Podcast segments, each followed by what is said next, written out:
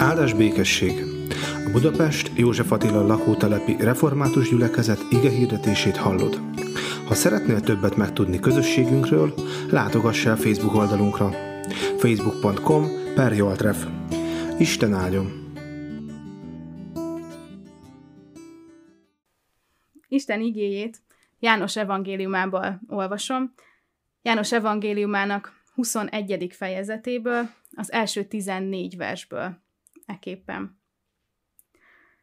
Ezután ismét megjelent Jézus a tanítványoknak a Tibériás tengernél. Így jelent meg.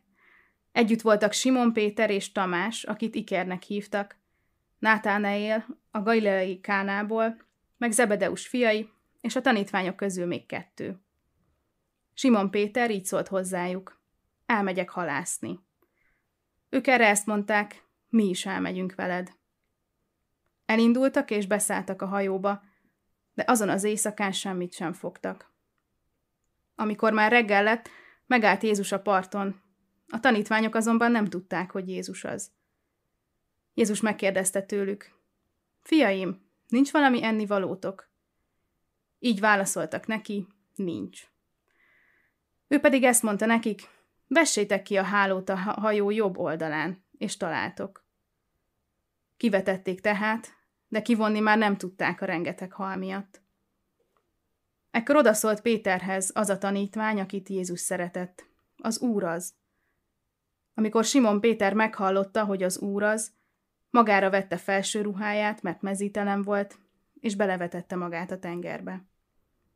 A többi tanítvány pedig a hajóval jött, mert nem voltak messze a parttól, csak mintegy kétszáz könyöknyire, és kivonták a hálót a halakkal. Amint kiszálltak a partra, parazsat láttak ott, rajta halat és még kenyeret is. Jézus így szólt hozzájuk, hozzatok a most fogott halakból. Simon Péter beszállt és kivonta a partra a hálót, amely tele volt nagy halakkal, szám szerint 153-mal, és bár ilyen sok volt, nem szakadt el a háló. Jézus ezt mondta nekik, jöjjetek, egyetek. A tanítványok közül azonban senki sem merte őt megkérdezni, ki vagy te? Tudták ugyanis, hogy az Úr ő. Jézus tehát odament, vette a kenyeret és odaadta nekik, ugyanúgy a halat is. Ez már a harmadik alkalom volt, hogy Jézus megjelent a tanítványoknak, miután feltámadt a halottak közül. Amen. Kedves gyülekezet, a mostani témánk még pünkösdig, az ebben az igehirdetés sorozatban az az, hogy a halottak már pedig nem támadnak fel, vagy mégis. Ez először nekem kicsit furcsa volt ez a téma, hogy őszinte legyek, mert hát jó keresztényként nem is vetődik föl bennem ez a kérdés, hogy, hogy vagy mégis feltámadnak, nekem ez teljesen természetes. De aztán, ahogy kicsit jobban belegondoltam, és és tényleg így, így beleéreztem magam ebbe a kérdésbe, rájöttem, hogy bizony nem csak keresőként, nem csak olyan emberként lehet föltenni ezt a kérdést, hogy vagy mégis feltámadnak a halottak, akik most találkoznak Krisztussal, vagy most hallanak róla először, hanem bizony keresztényként is fel tudjuk tenni ezt a kérdést, és, és nem annyira egyértelmű, hogy ezt meg is értjük, és nem tesszük föl azt, hogy vagy mégis, nem tesszük utána ezt a kérdést. A mai Isten tiszteletnek azt a, vagy az ige hirdetésnek azt a címet adtam, hogy most akkor mi van. Szeretném azt kérdezni először tőletek, hogy feltettétek-e már valaha ezt a kérdést magatoknak? Most akkor mi van? Lehet, hogy hétköznapi esetek hamarabb eszünkbe jutnak, amikor így tanástalanul állunk valami előtt, nem úgy történt, ahogy kellett volna, elment az a busz, amivel pont oda kellett volna érnünk valahova, vagy nem jöttek úgy össze a dolgok, lehet, hogy kicsit súlyosabb események is eszünkbe jutnak, esetleg az állásunk elvesztése, nem vettek föl minket arra az egyetemre, ahova szerettünk volna menni, vagy bármi, esetleg a gyerekünkkel történt valami, feltesszük a kérdést, hogy most akkor mi van. De ha egy kicsit még jobban belegondolunk, akkor rájövünk, hogy keresztényként is fel tudjuk tenni ezt a kérdést. Most akkor mi van? Miután elveszik a lelkesedésnek az a nagy lendülete, ami visz előre minket a megtérésünk után, vagy, vagy egy-egy olyan alkalom után, amikor nagyon-nagyon feltöltekezve érezzük magunkat, és, és úgy érezzük, hogy Krisztus küldetése nagyon a miénk, és tenni akarunk valamit. Szerintem mindannyian megéreztük már azt, amikor ez elfogy. Vagy amikor nem úgy történnek a dolgok a misszióval kapcsolatban, ahogy gondoltuk volna. Nem tudjuk úgy élni a hétköznapjainkat a munkahelyünkön. Nem tudunk úgy jelen lenni a barátaink között. Nem tudunk annyi szolgálatot vállalni, amit először gondoltunk volna, hogy majd megtesszük. És akkor feltesszük a kérdést magunknak is, és talán Krisztusnak is, Istennek is feltesszük a kérdést, hogy na most akkor mi van?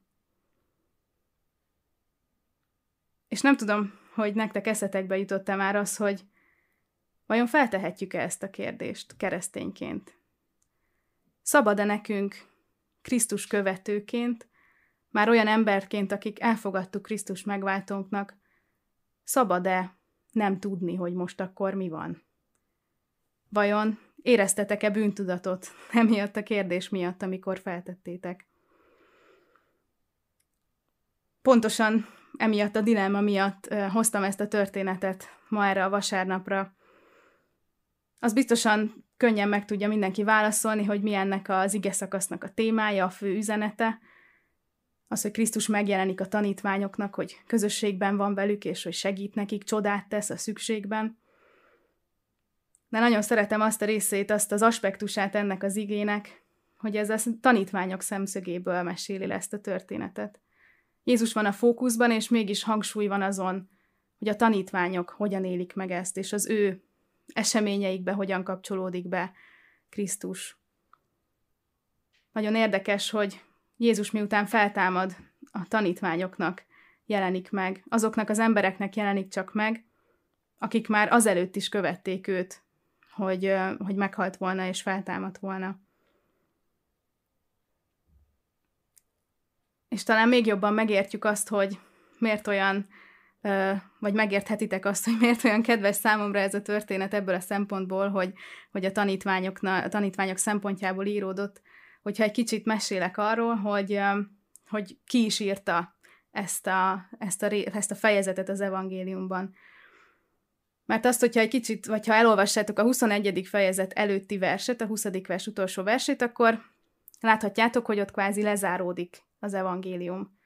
És mégis van egy plusz fejezet, ami ott van, ami része az evangéliumnak, és hát sokat gondolkoztak rajta, vagy mindenkinek felkeltette az érdeklődését, hogy ez vajon hogy került oda és úgy tűnik, hogy abban van egyetértés, hogy ezt János egyik tanítványa írta hozzá. Meglévő hagyományból, tehát ez egy olyan történet, amit szájról szájra adtak tovább a, a tanítványok, a gyülekezeti tagok, tehát nem kitalálták ezt a történetet, vagy berakták máshonnan, csak ezt valamiért János nem tartotta fontosnak leírni, viszont az egyik tanítványa fontosnak tartotta. Egy olyan helyzetben, amikor már Jézus nincsen közöttük, már fölment a mennybe, már elindult a, a, a gyülekezeti élet, már tanítványaik vannak a tanítványoknak is, és amikor találkoznak már a valósággal. Olyan gyülekezeti életben, ahol üldözések vannak, ahol nem egyetértések vannak, ahol konfliktusok vannak az apostolok között is, és az apostolok tanítványai között is, egy ilyen élethelyzetben az egyik tanítvány fontosnak tartotta leírni ezt a történetet fontosnak tartotta leírni, mert bizony ők is találkoztak kihívásokkal, kudarcokkal, és nem csak ők, hanem a tanítványok is. És ezt akarták üzenni mindazoknak, akik olvassák, akkor is és ma is János evangéliumát. És ez arról tesz tanúbizonyságot, hogy már az apostolok is, Jézus közvetlen tanítványa is, és az első gyülekezetek tagjai is megfogalmazták ezeket a gondolatokat, biztos voltak, biztosak voltak abban, hogy Jézus feltámadt, hiszen látták őt, és közvetlenül kaptak erről híradást. Jézus feltámadt a halálból. Igen, valóban feltámadt. Ezt tudjuk. Tudjuk azt, hogy a küldetésünk az, hogy ezt mi továbbadjuk az embereknek, hogy elmondjuk az evangéliumot. És a világ valahogy mégis ugyanúgy megy tovább, ahogy előtte tanítványok helyébe is belegondolhatunk, hogy nem változott semmi. Nem történt meg az a nagy, győzedelmes bevonulás akár Jeruzsálembe, nem történt meg az a hatalmas győzelem, az a diadal, amit elképzeltek, hogy Isten fia majd elhozza a, az Isten országát. A világ ugyanúgy megy tovább, mint az előtt. A tanítványok szemszögéből legalábbis. Ugyanolyan nehéz, ugyanolyan bűnös minden, ugyanolyan akadályok vannak előttük, vagy lehet, hogy még nagyobbak, mint amikor Krisztus mellettük állt, hiszen már egyedül vannak. Adja magát a kérdés, hogy most akkor mi van?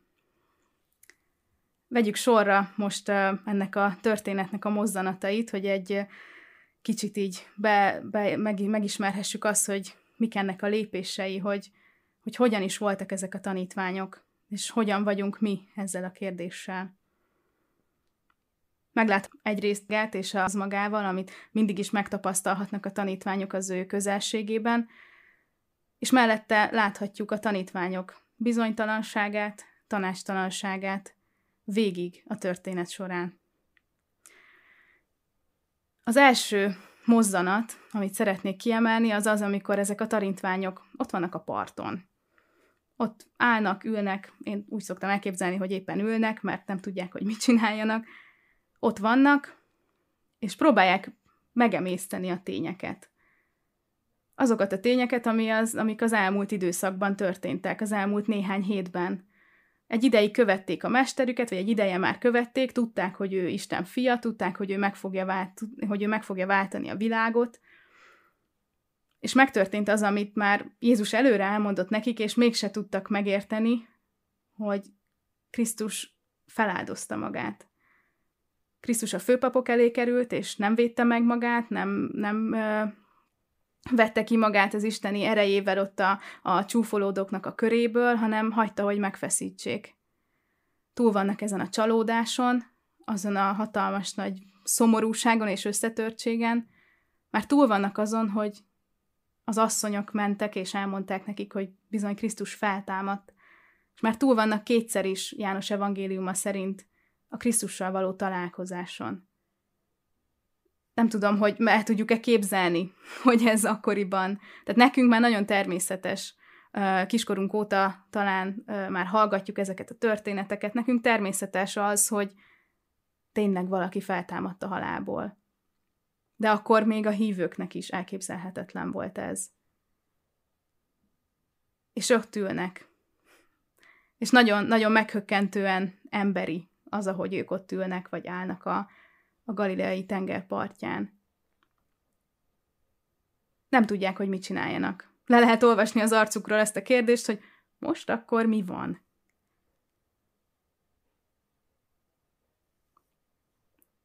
Most akkor mi van? Mit tegyünk? A tanítványok nem tudják, hogy mit kezdjenek ezzel a helyzettel. Pedig Jézus felkészítette őket. Ők tudhatják, tudhatnák, hogy mi a küldetésük, hogy mi a feladatuk. Krisztus már megígérte nekik a pártfogót, már elmondta nekik, hogy itt fogja őket hagyni, miután föltámadt, hogy ez így van rendjén, hogy a Szentlélek majd segít nekik. Tudják, hogy mi a dolguk. Éveken keresztül követték Krisztust, aki Péternek megmondta, hogy emberhalásszá tesznek téged. És Péter erre mit válaszolott a parton ülve? Menjünk el halászni. Tegyük fel a kérdést magunknak, vagy én szívesen fölteszem magunknak a kérdést, neked a kérdést, hogy te éreztél-e már így? Érezted-e már azt, hogy a megtérést követő lelkesedés alábbhagy, és egyszer csak nem tudod, hogy merre kéne menni, merre kéne folytatni? Érezted-e már a tanácstalanságot a Krisztus követésedben? Felteted-e már a kérdéseket magadnak, hogy Mit tudok tenni? Mit kellene tennem? Mire hív engem Jézus? Mit tudok tenni a hétköznapjaimban? Mit tudnék tenni a hétköznapokon túl? Megnyugtatlak, minden keresztény felteszi magának ezeket a kérdéseket. A tanítványok is feltették maguknak ezeket a kérdéseket, és azóta minden keresztény. Előbb-utóbb eljutunk ezekhez a kérdésekhez. És ennek nagyon egyszerű oka van. Mert nem értjük Krisztust. Akár mennyire magunkével tudjuk tenni a feltámadásnak a tényét, a megváltásnak a tényét, és akár mennyire át tudjuk érezni Krisztus szeretetét, ő valami újat hozott, úgy tudott megmenteni minket a, világ, a világnak a bűnéből, hogy ő teljesen újat hozott, amit mi nem érthetünk. Nem fogjuk megérteni sohasem a megváltást, és nem fogjuk megérteni, hogy miért működik úgy, ahogy ez az egész. Tehát teljesen természetes, hogyha feltesszük ezeket a kérdéseket magunknak, és nem tudjuk, hogy most akkor mi van.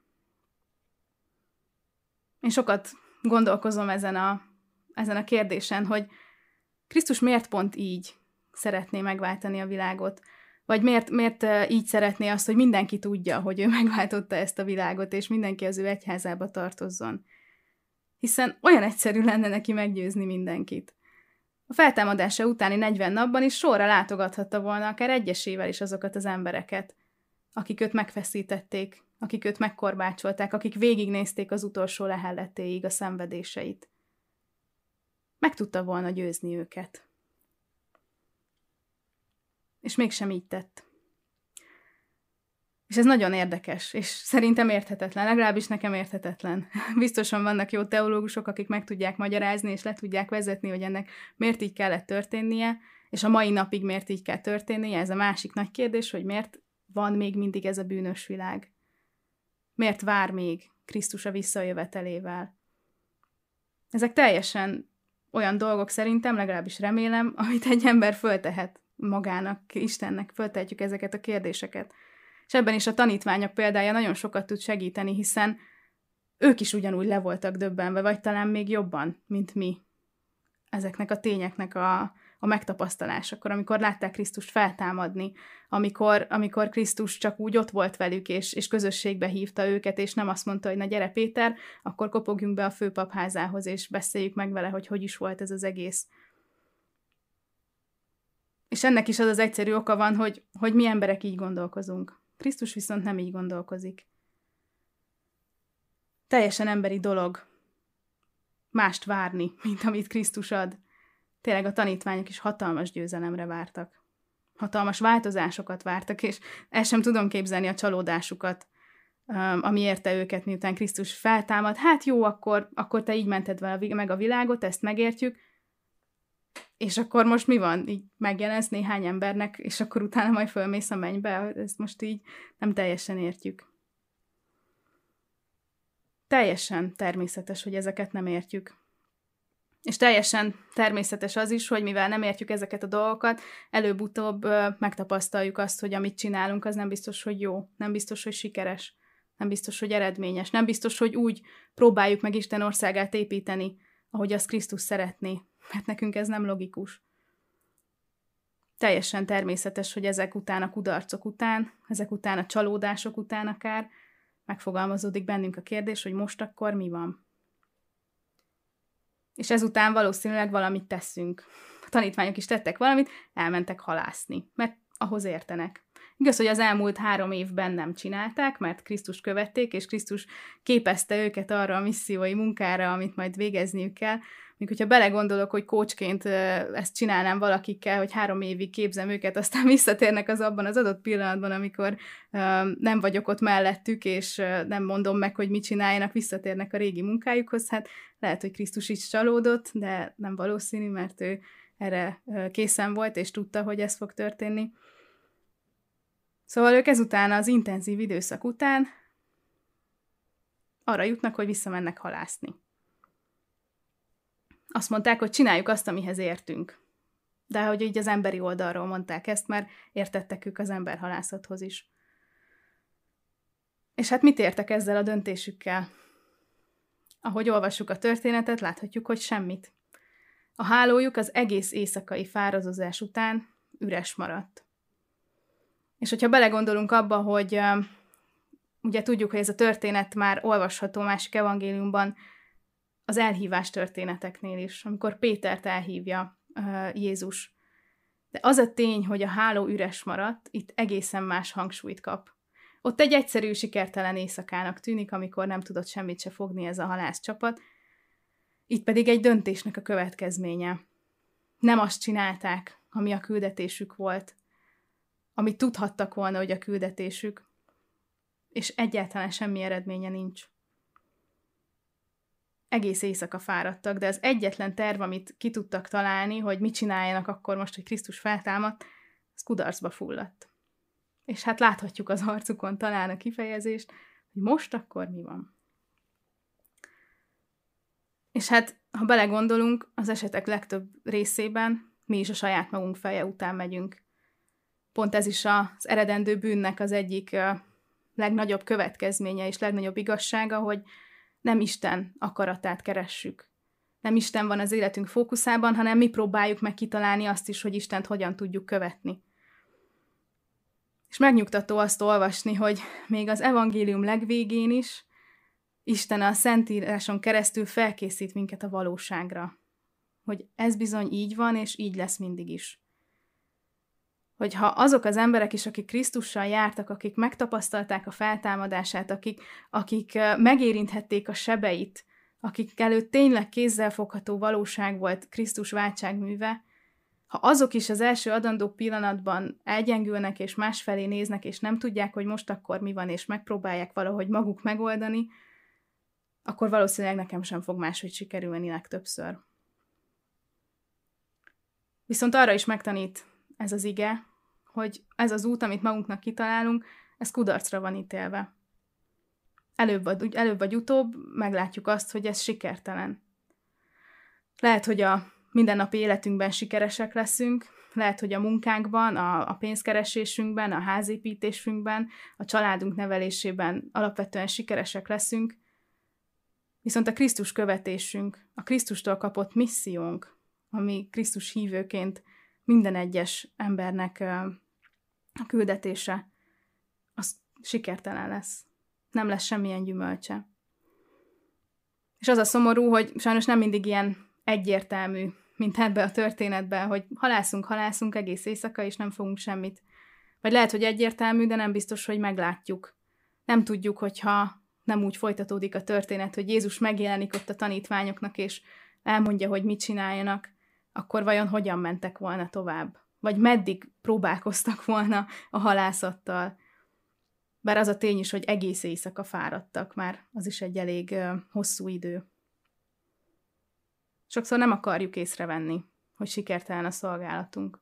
Nem akarjuk észrevenni, hogy a misszió, amire Krisztus hívott minket, az nem töltődik be, nem tudjuk betölteni. Nincs eredménye annak, hogy mi Krisztus követők vagyunk, és ennek meg kell látszódnia a világban. Az, hogyha valaki, valami, valaki olyat követünk, és olyanban hiszünk, aki nem ebből a világból való, annak valahol meg kell látszódnia, és annak gyümölcsének kell lennie. És hogyha nincs, akkor igazából nem is Krisztust követjük, vagy a saját magunk elképzelései szerint próbáljuk Krisztust követni. Sokszor nem akarjuk ezt meglátni. Pedig, hogyha egy kicsit oda tekintenénk erre a hálóra, akkor egyértelmű lenne. Hogyha nincs benne hal, akkor kudarcba fulladt az elképzelésünk, akkor sikertelenek vagyunk. Krisztus kérdése hozzánk is szól. Van valami ennivalótok?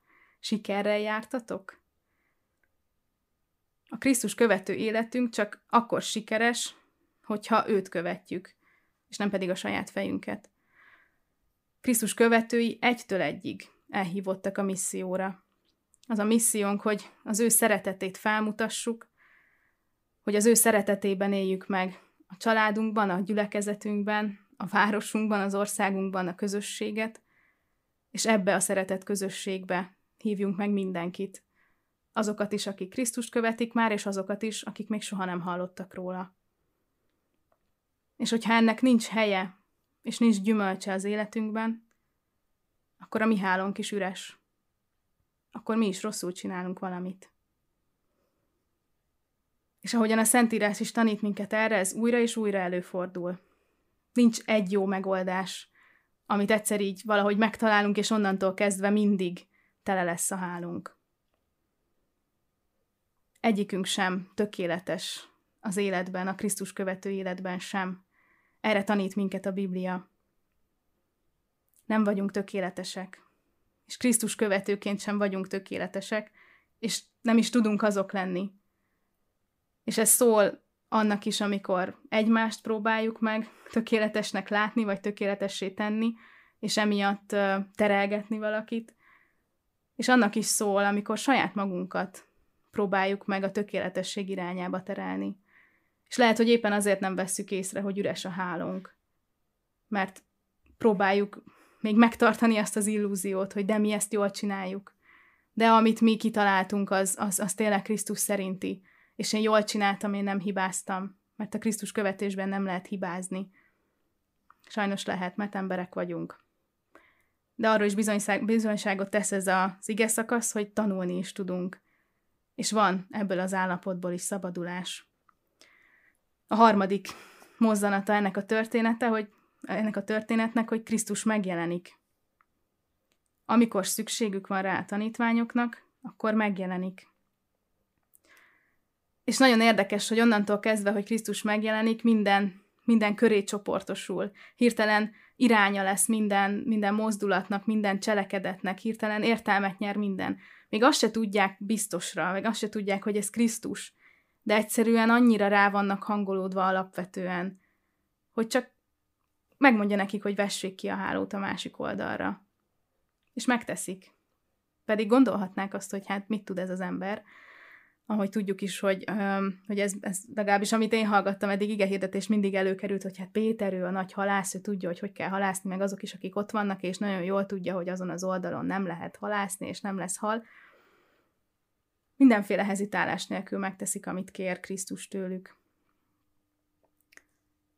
Aztán természetesen miután megtörténik a csoda, azonnal, mint a, akár az Emmausi tanítványoknál is olvashatjuk, hogy nem ismerik fel őt, és mégis hevült a szívük, és mégis valahogy, valahogy valamit tudtak, aztán egy valamiről, a kenyér megtöréséről felismerik, és a tanítványok is felismerik.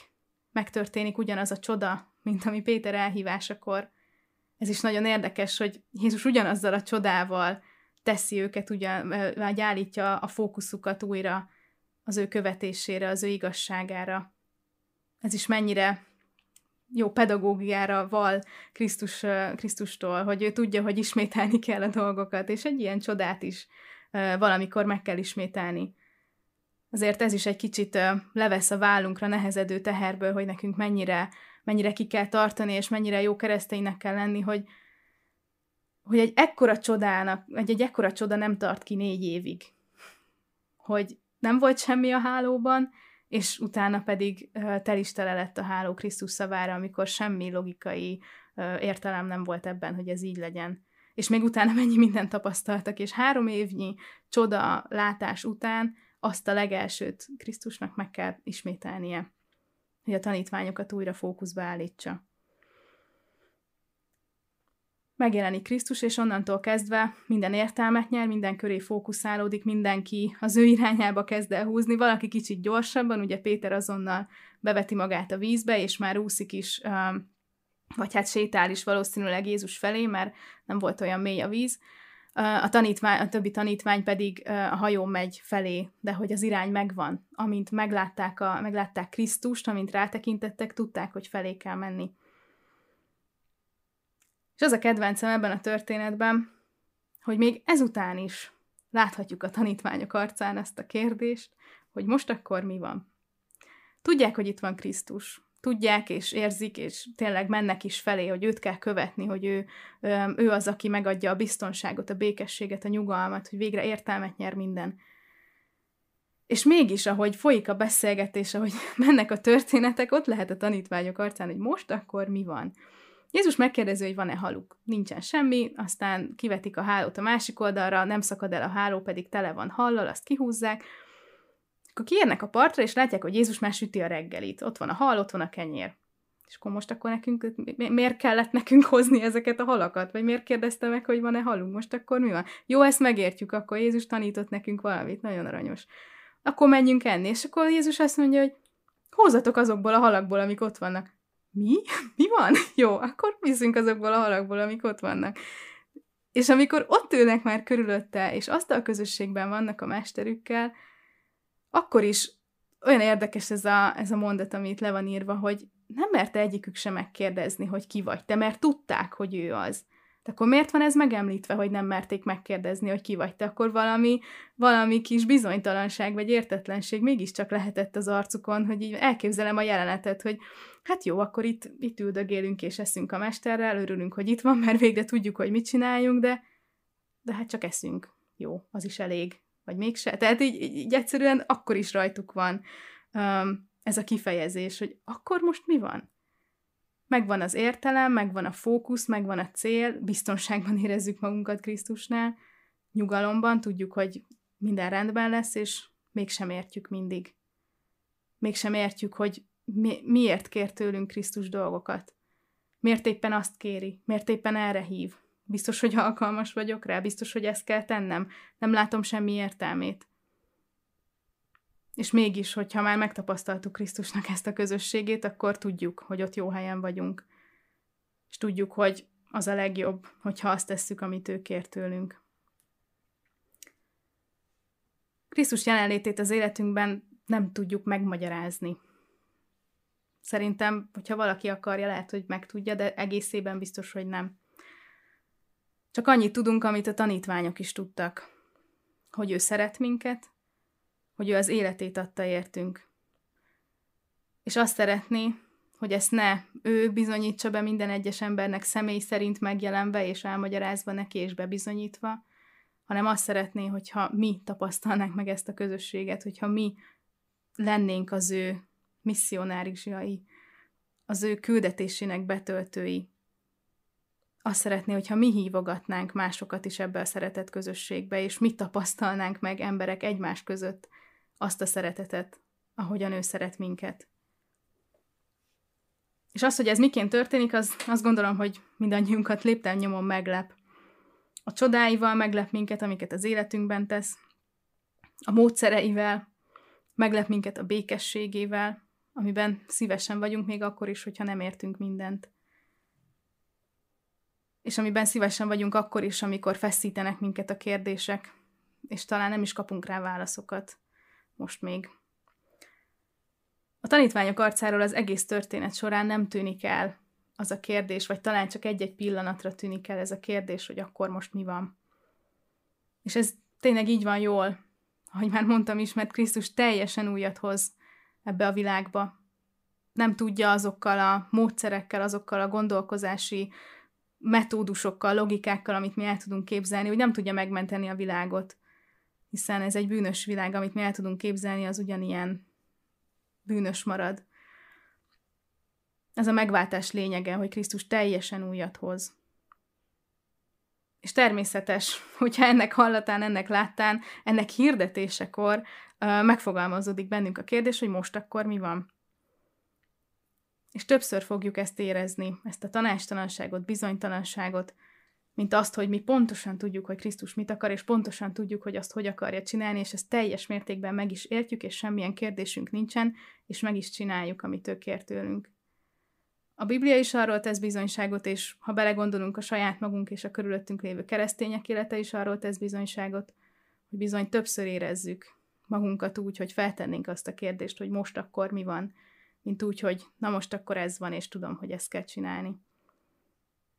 De az egészben a lényeg az, hogy Krisztus ott van velünk. Hogy ő megjelenik, ott van végig az életünkbe, és hogyha figyelünk rá, akkor megláthatjuk. Csodát tesz, és a közösségébe hív.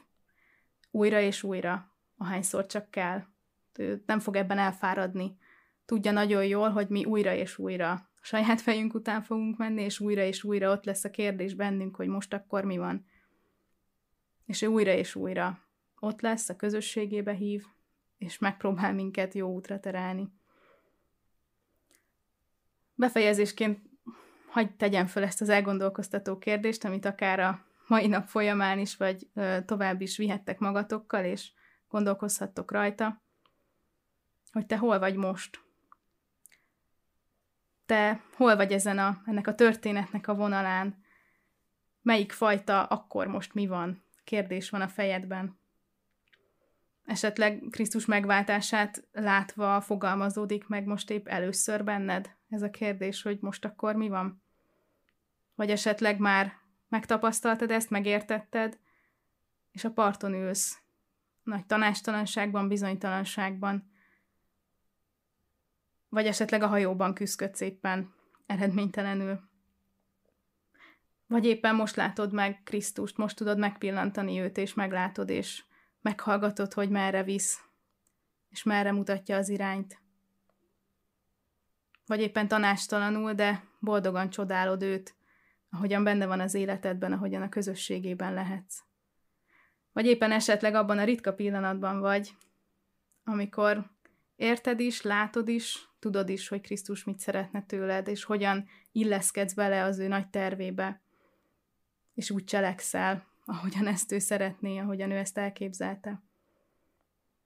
Mindegyik felsorolt állapot, és még ezen túl is nyilván nem, nem teljes ez a felsorolás, minden ilyen állapot teljesen természetes, hiszen emberek vagyunk. Ezért küldte el nekünk Krisztus a mennybe menetele után a szent lelket, a pártfogót, a vigasztalót, a közbenjárót, hogy őt kérhetjük, hogy bárhol vagyunk, bármilyen állapotban, bármilyen kérdések között, kérhetjük őt, hogy mutassa meg nekünk Krisztust, hogy fordítsa a fejünket Krisztus felé, és hogy őt szem előtt tudjuk tartani. Újra és újra el fog fordulni a fejünket, ez egyáltalán nem, nem kérdés, nem vita tárgya. Nincs olyan, hogy mindig folyamatosan Krisztusra nézünk, majd a mennyországban így lesz. És bizony kemény munka mindig arra törekedni, és a Szentlélekért folyamatosan szüntelenül imádkozni, hogy újra és újra vissza tudjuk fordítani a tekintetünket Krisztusra. Kérjük a Szent Lelket, hogy vezessen hozzá a bizonytalanságainkban. És kérjük őt, hogy erősítsen minket az Atya megbocsátó kegyelmével is, hiszen nem könnyű azzal a tényel találkozni, vagy éppen, éppen abban az állapotban lenni, amikor elfordulunk Krisztustól, és ezt észrevesszük, magunkon. Szükségünk van az ő megbocsátó kegyelmére, arra a kegyelemre, amit Krisztusban adott nekünk. Krisztus mindannyiunk életében ott van, és hív minket is reggelizni, ahogyan a tanítványokat, hív az ő közösségébe. Igyekezzünk csatlakozni hozzá. Így legyen. Amen. Most imádkozzunk. Drága Istenünk, lehet, hogy egyben nyugtalanító is tud lenni, de közben annyira jó, hogy Te látod az életünket, te látod minden gondolatunkat, minden apró kis kérdésünket, vagy sokkal nagyobb kérdésünket, kételjeinket, tanástalanságunkat, vagy éppen magabiztosságunkat. Hálásak vagyunk azért, hogy, hogy Te az életünk része vagy. Hálásak vagyunk azért, hogy igazából neked nem kell mondanunk semmit mert Te ismersz minket, és Te szeretnél rajtunk segíteni. Kérünk Téged, hogy hadd láthassunk Téged, hadd láthassuk Krisztust, az ő életét, az ő szenvedését, halálát és feltámadását. Hadd tudjunk újra és újra e felé tekinteni. Minden örömünkben, minden bánatunkban, minden tanácstalanságunkban, minden kisebb és nagyobb kérdésünkben. Segíts Szentélek Úristen Krisztusnál keresni a választ. Vagy vele közösségben tanástalankodni, értetlenkedni. Kérünk téged, Szentélek Úristen, hogy légy jelen az életünkben. Légy jelen az életünkben, és fordíts, fordítsd az tekintetünket Krisztus irányába. Így imádkozunk most hozzád, mindazokért, akik betegséget hordoznak, akik gyászban vannak, akik megfáradtak bármilyen értelemben, akik az utat keresik, akik egyedül vannak, magányosak, akik tanácstalanok, akik bármilyen terhet hordoznak. Értük imádkozunk, Szentélek Úristen, kérünk, légy jelen az ő életükben is vigasztalásoddal, erősítéseddel, pártfogásoddal. Kérünk Szentlélek Isten, így légy mindannyiunkkal, gyülekezetünkkel, egész egyházunkkal, országunkkal, egész világunkkal. Neked van hatalmad arra, hogy mindenki tekintetét Krisztusra irányítsd. Ezért imádkozunk, Szentlélek Isten. Amen. Mi atyánk, aki a mennyekben vagy, szenteltessék meg a te neved. Jöjjön el a te országod, legyen meg a te akaratod, amint a mennyben, úgy a földön is. Minden napi kenyerünket add meg nékünk ma, és bocsásd meg védkeinket, miképpen mi is megbocsátunk az ellenünk védkezőknek. És ne védj minket kísértésbe, de szabadíts meg a gonosztól, mert tiéd az ország, hatalom és a dicsőség, mindörökké. Amen.